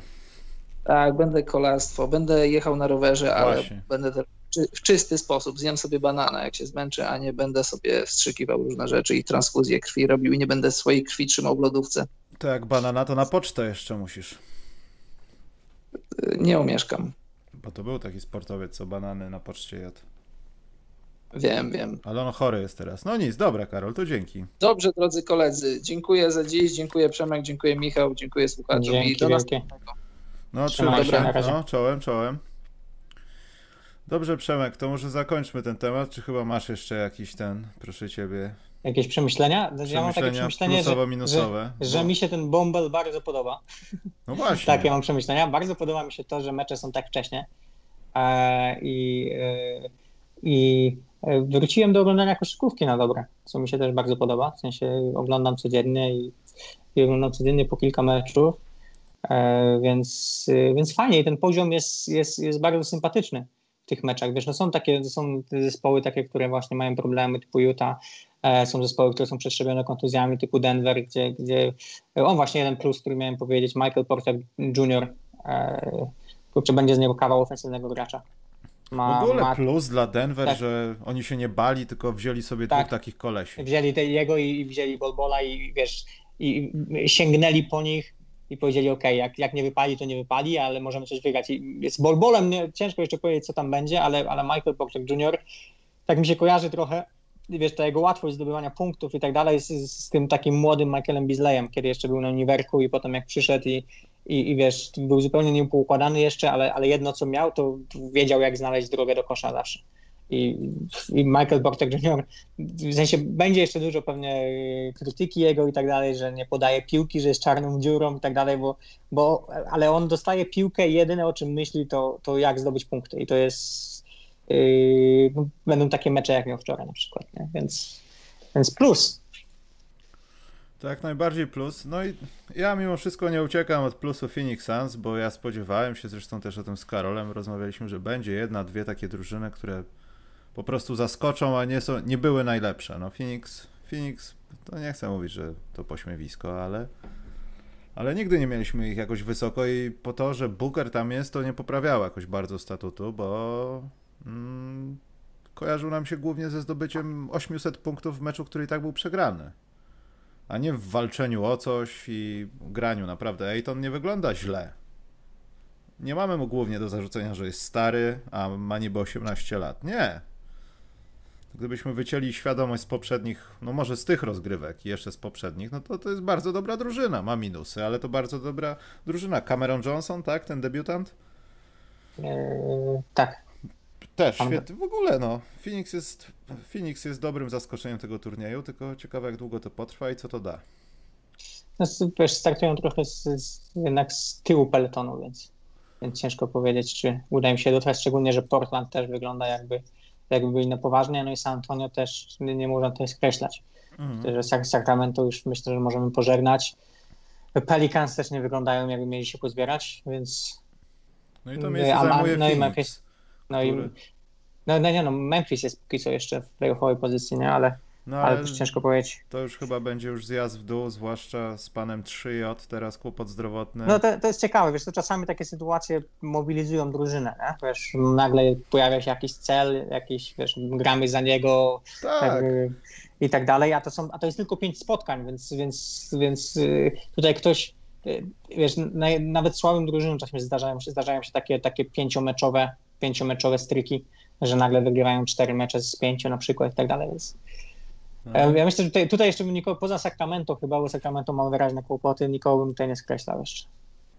Poza tym wiesz, no to, to co powiedziałeś, taki Brandon Clark, myślę, że jak dostanie więcej minut i tak, no będzie mógł się rozwinąć, to możemy nawet troszeczkę zapomnieć o tym, że ktoś no, dokładnie. jest może być, tam. I może być nową sensacją teraz, wiesz, tego bombla. Więc... No tylko, że to trzy mecze w plecy. były wszystkie blisko i tak dalej, była dogrywka, ale to trzy mecze w plecy i, i tutaj patrzysz na sytuację i to jest tak, że Memphis teraz na dzień dzisiejszy, mecz zaczyna się za 20 minut jakiś, więc kolejna kolejka wjeżdża, więc to się dzisiaj zmieni, Hmm. ale Memphis ma 20, znaczy w stosunku do Lakers nie będę mówił, ale jest na ósmym miejscu, za nimi Portland to półtora spotkania, potem San Antonio 2, Nowy Orleans 2,5, Phoenix 3 i Sacramento, które już pewnie zdechnie 3,5. No ale te playoffy są, wiesz, cały czas Memphis do przegrania. Tak, sensie to jest cały czas, wiesz, zakładając, że będą wygrywać, jeśli zaczną wygrywać, to wciąż są w najlepszej pozycji mimo wszystko, nie? Ja nie, nie, nie jestem pewny, jaki oni mają terminarz. E, dzisiaj grają z Utah. tak, to jest to będą derby Utah, biedy. więc to może być dobry moment na, na przełamanie się, bo Utah póki co wydaje się najbardziej bezbarwną drużyną tego bombla. Bardzo ważnym meczem będzie o 22 mecz Denver-San Antonio, bo to będzie jeden z tych meczy, które coś, coś og- ogarną na tym dole tabeli. No, San Antonio musi San Antonio musi ten mecz wygrać też. No a potem to już wschodnia bieda, nie licząc Lakers, Thunder. No na wschodzie, na wschodzie się tam za dużo nie wydarzy. Na wschodzie, na wschodzie już czas czekać na playoffy. No dobrze, ale mamy tu, odpaliłem do dzisiejszego streamu odliczanie, 12 dni do playoffów i mamy szósty dzień bańki, jak dobrze liczę, zakończony dzisiaj chyba siódmy się rozpoczyna. Yy, Kto Przemek będzie na tym ósmym miejscu na dzisiaj? Yy, na zachodzie. No, bo na wschodzie to Ja, ja myślę, że Portland. nikogo. Ja, ja myślę, że Portland i to, co mnie przekonuje do Portland, to jest to, że. że Naprawdę? Że, tak, myślę, że y, tam jest Damian Lillard. Z tych zespołów, które walczą o playoffów, Portland ma najlepszego lidera i chyba najlepszego gracza. I myślę, że to przeważy, plus, plus Jurkic, y, Jurkic, Nurkic. E, Jurkic, tak swo- swojski bardzo. E, Nurkic jest, jest, jest w dobrej formie. E, Melo, zrobił furorę tym meczem z, Houston i tym rzutem z Houston. E, ale, ale my właśnie Portland jest zdrowe i, i myślę, że, że, że, że Lillard i jego charakter i, i, i to, że ten zespół grał już w playoffach i to jest zespół, który, który wie ile trzeba zrobić, żeby się tam dostać i tak dalej. W sensie te inne zespoły są wciąż młode i na dorobku i myślę, że to doświadczenie Portland jednak zaprocentuje trochę. Ja wiem jedno, że Mój, Memphis, mój typ. Memphis niestety no, wylatuje z tego grona. Nie, nie widzę tego, żeby się obronili. Jak się obronią, to naprawdę bardzo się będę cieszył, ale to, to zresztą już nawet w marcu było takie trochę na wątłych nogach. Co, Ja, ja bym chciał jeszcze tylko dodam, chciał, No. chciałbym też Portland tam, bo wydaje mi się, że Portland jako jedyne może, może być nieprzyjemnym rywalem dla Lakers i to może być ciekawa seria. Ale wiesz co, ja nie wiem, może bardzo mi utkwił ten mecz w pamięci, bo z Bartkiem go komentowałem, ten z Bostonem, ale Portland czasami w, w tym bomblu yy, ten, wyglądają w ten sposób jak takie dzieci we mgle. To jest często przez to, że muszą rotować. Wiesz jak to jest, no tam wczoraj była na którymś meczu dyskusja, jak to świetnie mieć ośmio- ośmioosobową rotację i świetnie jest mieć Melo. No świetnie, tylko że jak masz takie mecze jak z Bostonem, że nikt nie może się wstrzelić i jakimś cudem możesz trochę powalczyć, ale też nie do końca ci się to udaje, no to są kłopoty i taki Hassan Whiteside w rotacjach, Zach Collins wyfaulujący się, to, no, to, to jest kłopot. Kiedy masz ośmioosobową rotację, no i będziesz musiał zaraz kimś ryzykować z tych ludzi, co są ubrani póki No tak. co w dresy. I trochę się tego, trochę się tego boję, no ale z drugiej strony masz Portland, masz San Antonio. Ja nie wiem, czy z tej dwójki kogoś bym obarczył tą odpowiedzialnością za playoffy. Bo jak wejdzie tam Phoenix, no to super. Hulaj dusza, piekła nie ma. Ale tak, żeby coś z tego było potem, no to nie no wiem. właśnie, ale... nie, wiem, czy którykolwiek z tych zespołów właśnie poza, poza Portland może naprawdę cokolwiek zrobić Lakers, więc No właśnie. To jest pytanie, Bo- po co tam wchodzić w ogóle, skoro zaraz Bo- cię bo- przemielą. Bo myślę, że Phoenix by zostało przemielone jednak przez Lakers. Eee, nie widzę Orlanu grającego z Lakers, przynajmniej Orlanu, który gra tak jak teraz gra. No nic, mój typ w każdym razie. Oj, 20 minut temu mówiliśmy, że będzie ciekawie, a teraz depresja. Dobrze, Przemek, będą małe pytanka i pójdziemy sobie. Dobrze. Za tydzień będzie kącik bukmacherski, to obiecuję, bo to już wypada. Teraz się na razie bałem, Przemek, w ogóle cokolwiek robić. A ty miałeś jakieś wyniki u bukmachera? Jakieś miałem. Tak? Ale pl- plusowe, No plusowe. tak? Czyli co? Czyli na Brooklyn postawiłeś i kupiłeś auto.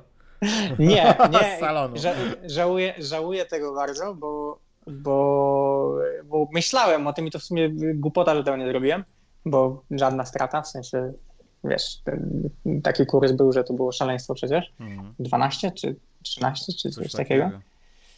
Eee, więc, więc nie, ale, ale złożyły się inne rzeczy do kupy. Dobrze, ja na naszych socialach, jak to się mówi ładnie teraz, e, opublikuję może jakiś kod od PZBook będzie, ale to w przyszłym tygodniu, bo szczerze mówiąc teraz nie chcieliśmy nic z Karolem robić, przynajmniej ja wyszedłem z taką inicjatywą, żeby to jak gdyby przeczekać, bo to wszystko takie niepewne było. Te mecze na początku na krawędzi pokazywały chyba bardziej mi tylko to, że a zaraz coś się pozmienia, tu tymczasem wszystko jest na takim wyrównaniu, że to jak takie rzucanie monetą czasami te niektóre spotkania, bez patrzenia w skład. Dobrze, pytanka jakieś będą. Czekaj, coś tam.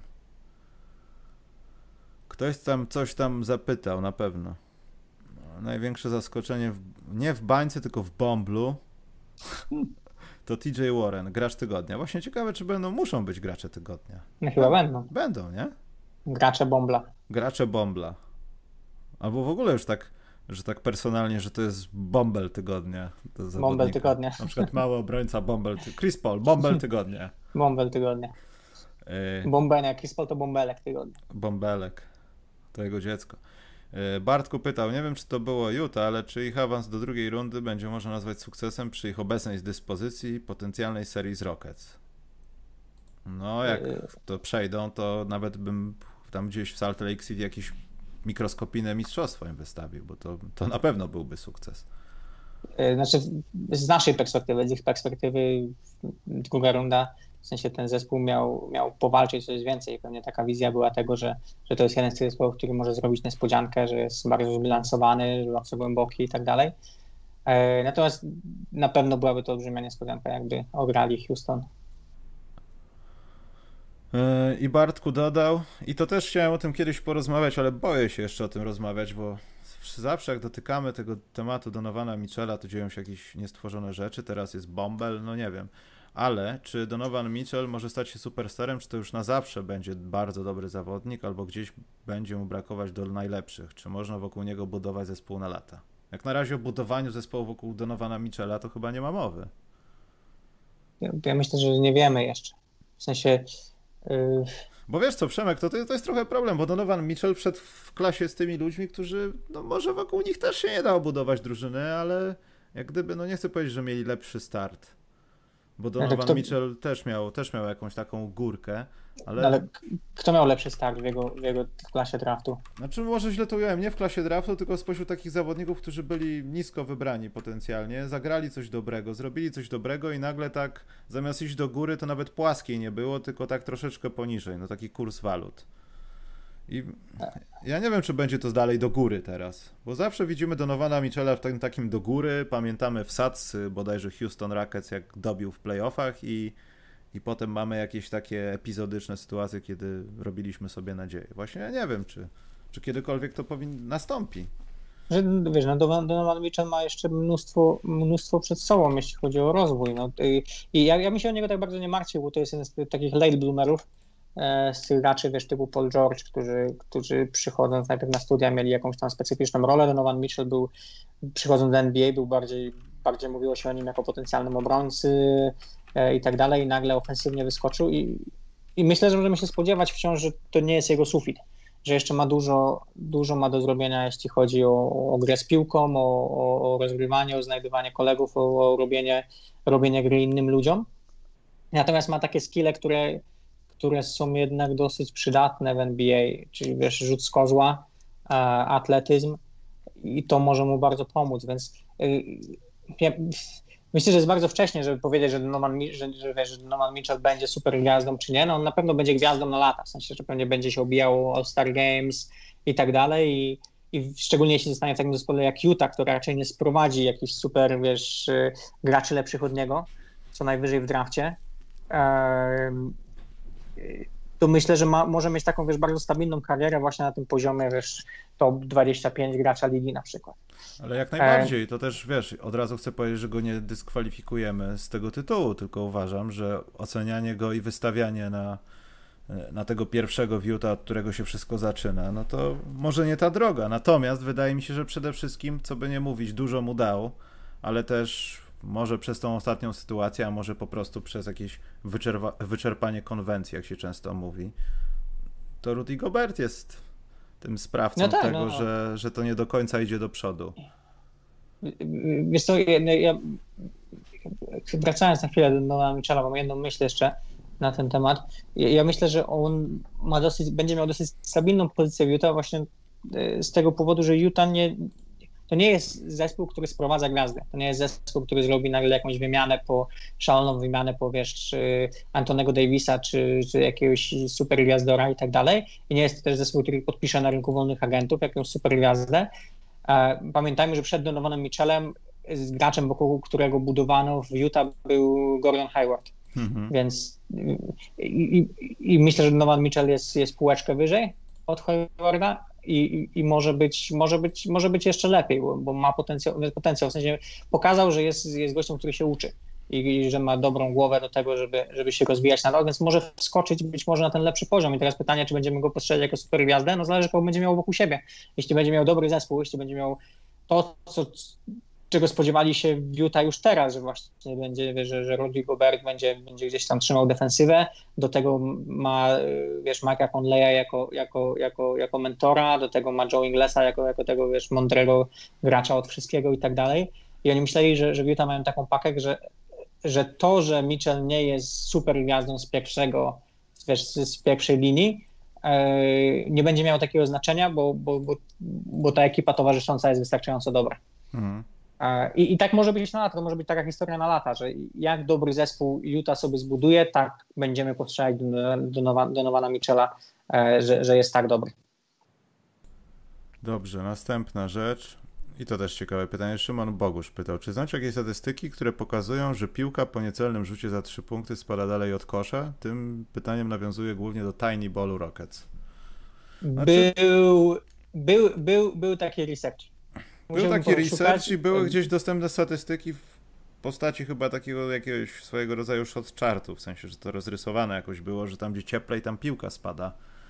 Ale to chyba można jakoś tak statystykami nie tylko, ale domyśleć się, że jak jakiś zawodnik mocniej rzuca, bo każdy ma jakąś tam swoją rutynę, mniejsza, większa rotacja piłki, deep, nie deep, oczywiście sytuacje jakieś, których nie da się odnotować, no to Dałoby się przez samą obserwację, ale statystyk no, takich ogólnie dostępnych to teraz chyba nie ma nigdzie.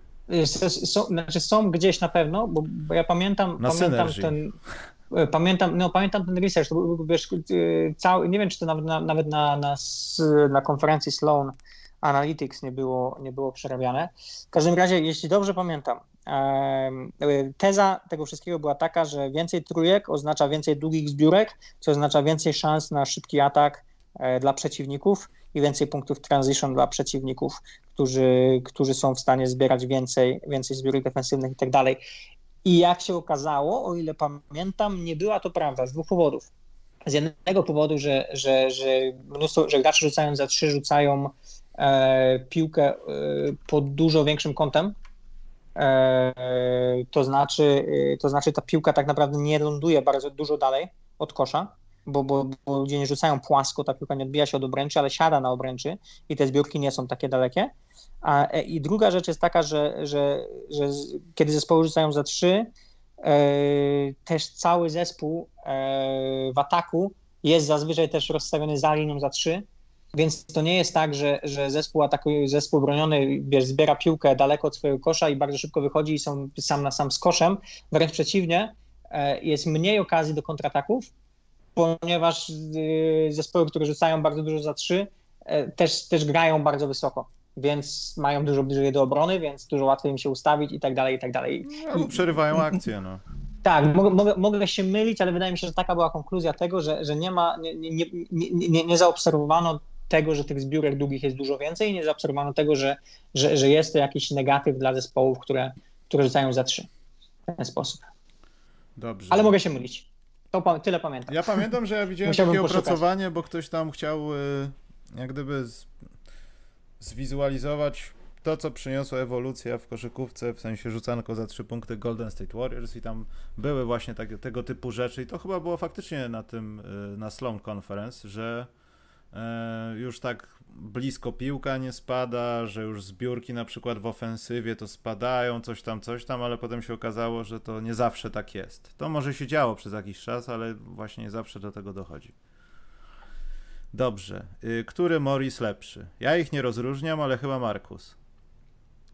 Chyba teraz Markus. Kiedyś Markiw. E, Przemek, do ciebie jedno i potem jedno, jeszcze pytanie idziemy.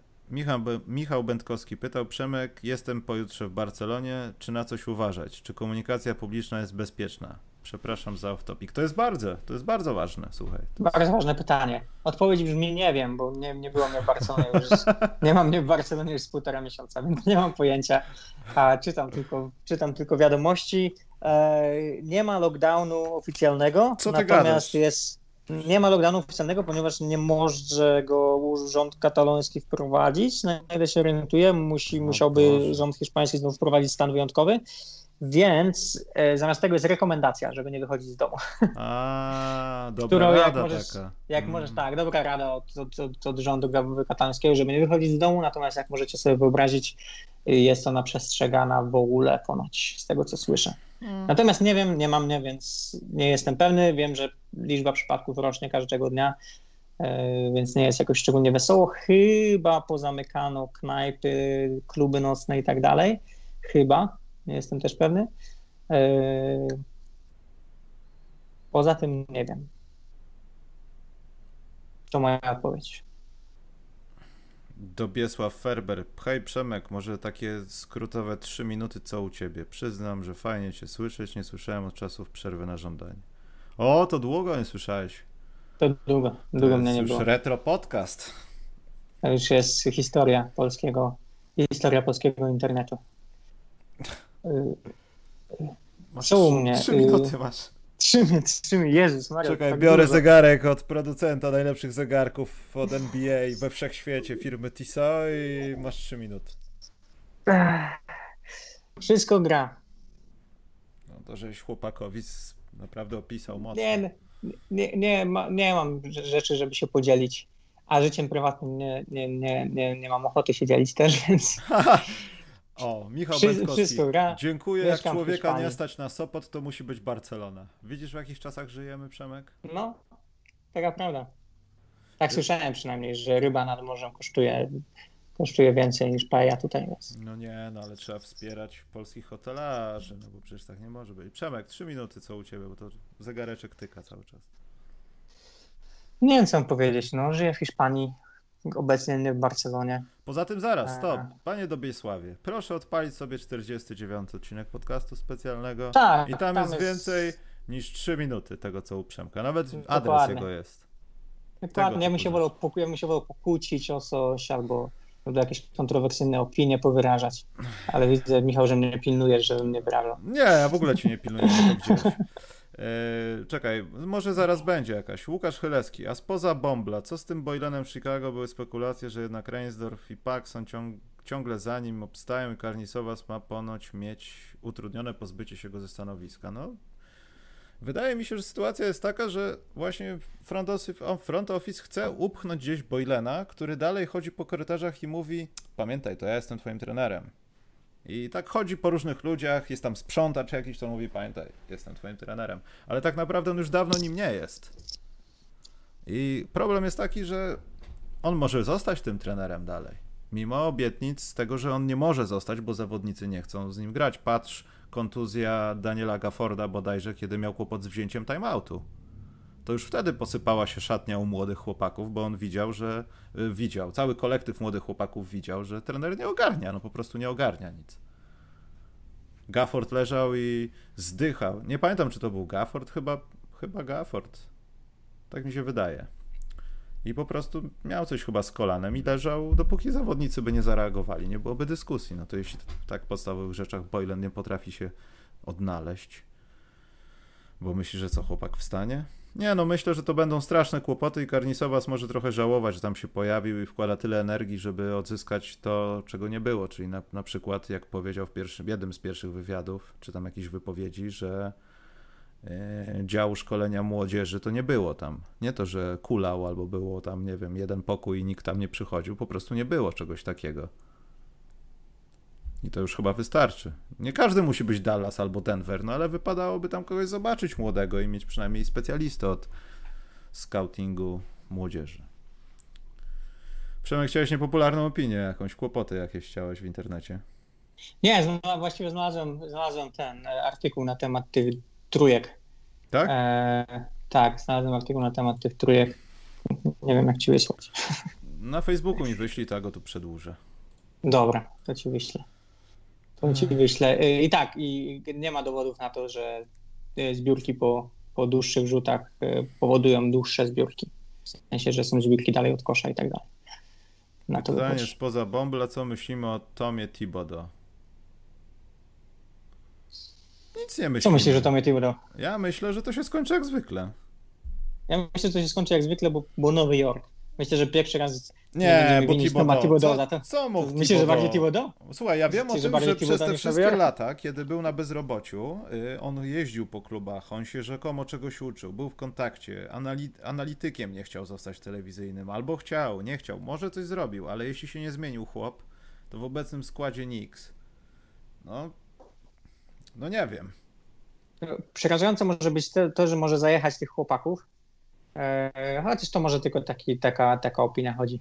E, dla niektórych z nich może to będzie dobre doświadczenie. Wiesz, taki Kevin Knox dostanie wreszcie y, ciężkiego buta nad sobą, może się ogarnie.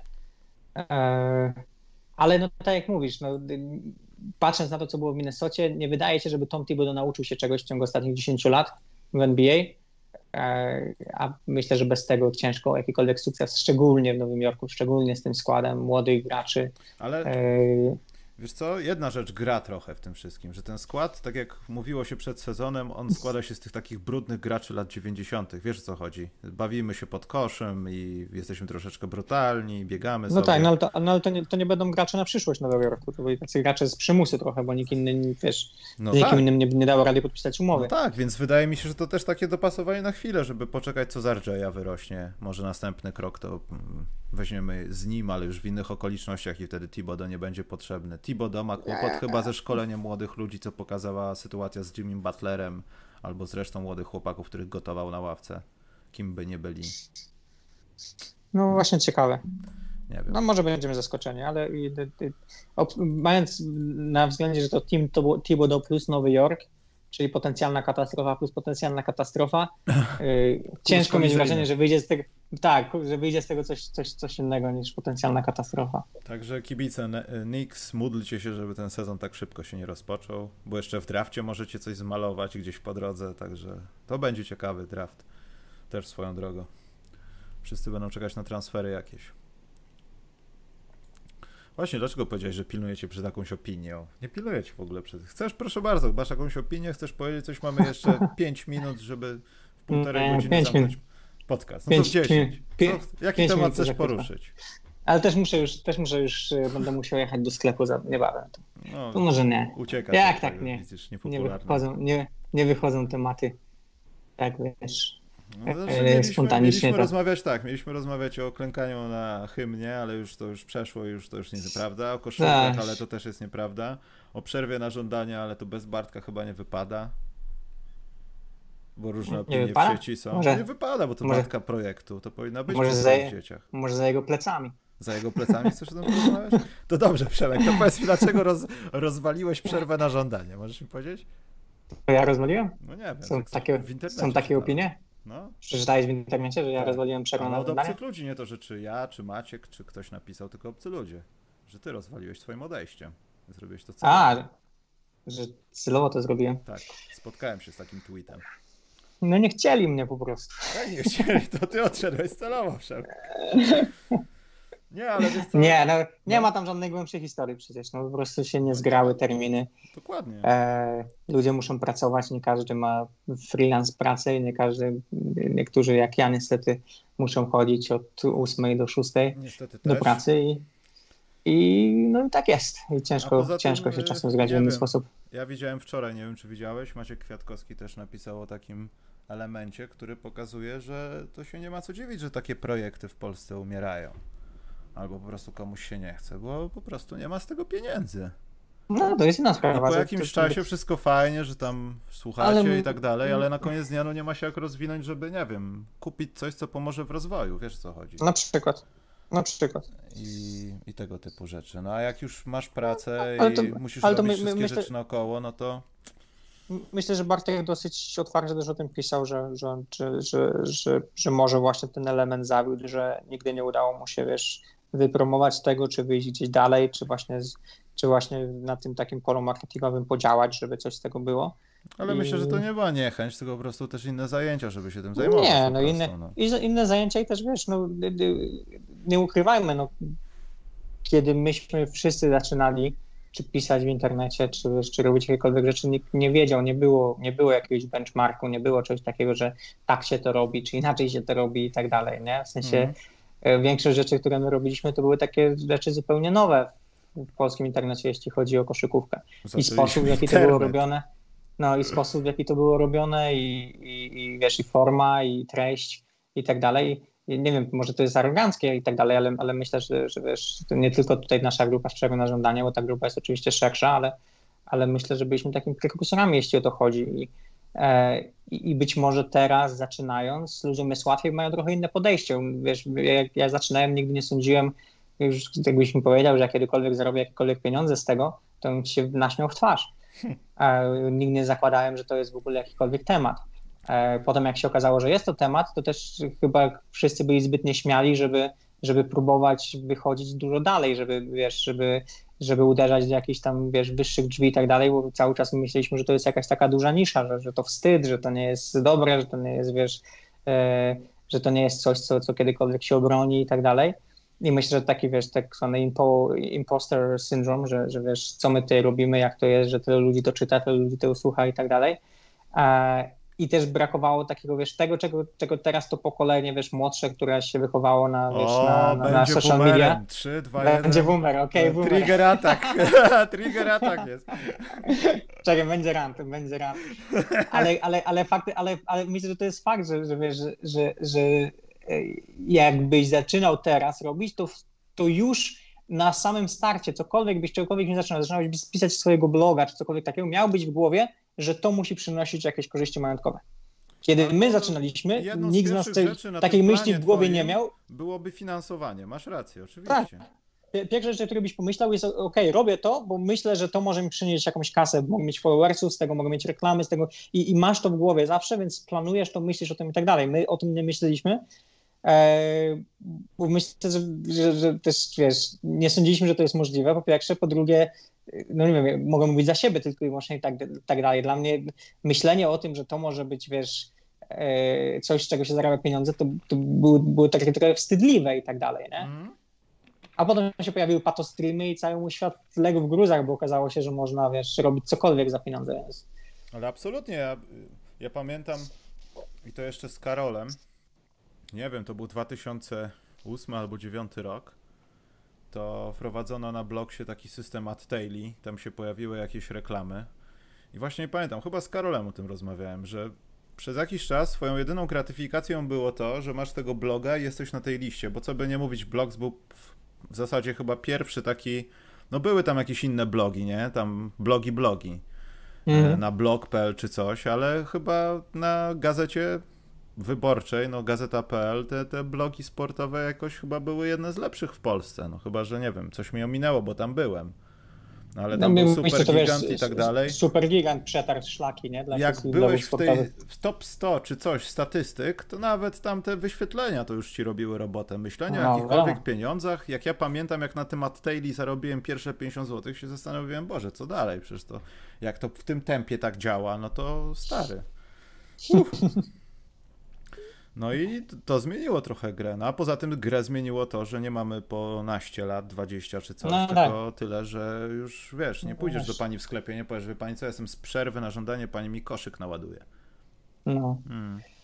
już nie, nie Smutne. można pojechać, nie można pojechać do mamy najeść się na obiad, nie można już jeść całe życie parówek za 3 zł, więc Mm, to prawda. Albo chińskich zupek. Bartku napisał o Kraksiu. Myśmy, ja, ja, ja może nie na początku, ale w pierwszej połowie mówiłem o tym, bo dzisiaj to widziałem. Przez przypadek w zasadzie, bo obejrzałem tylko końcówkę tego wyścigu. Także Uff, tutaj masz. Zobaczyłem to przed chwilą. No. I ten, ten ciekawe, co z tym panem fotografem, na, który, No. na którego Nie, wpadł. nie, ma, nie, nie, nie ma informacji, czy, czy w sensie jakie są, czy były jakieś. Jeden z kolarzy transporto, transportowany śmigłowcem do szpitala, Bartku napisał, więc to jest tylko tyle. Uff, Dobrze, no, wyglądało tragicznie. Kończymy to. Ja myślę, że kiedyś. Ja od razu właśnie, bo ja tu kilka rzeczy technicznych. Słuchajcie, to nie jest tak, że się opierdzielam i nie ma 50 odcinka y, podcastu specjalnego, tylko ja chcę gościa, a nie kogoś, że znowu wezmę Przemka, bo zrobiliśmy urodzinowy, nie mam kogo, albo Wojtka. Ja potrzebuję gościa, którego nie było, więc ja czekam. I tutaj nastąpiła mała zmiana, ale walczę, więc ten 50 musi być specjalny. A w 51 zrobimy sobie reunion, przerwy na żądanie, cokolwiek. Tylko, że ja muszę ten 50 zrobić.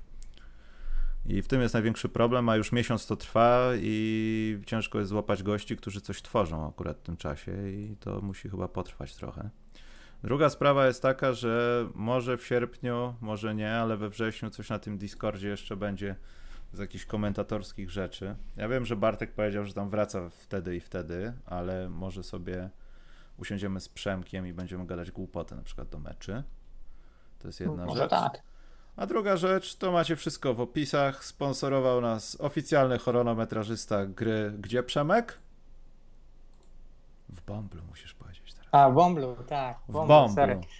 Bomblu. To słowo przechodzi do stałego słownika. Do słownika. Internetu. Zaraz zostanie opublikowane wszędzie i spodziewam się spontanicznych i zadowolonych reakcji z tego słowa. Także jak coś, to zapraszam, dziękuję i tak. I w tym tygodniu, jak się jeszcze ogarnę, to zrobię zdjęcia nowych wlepek.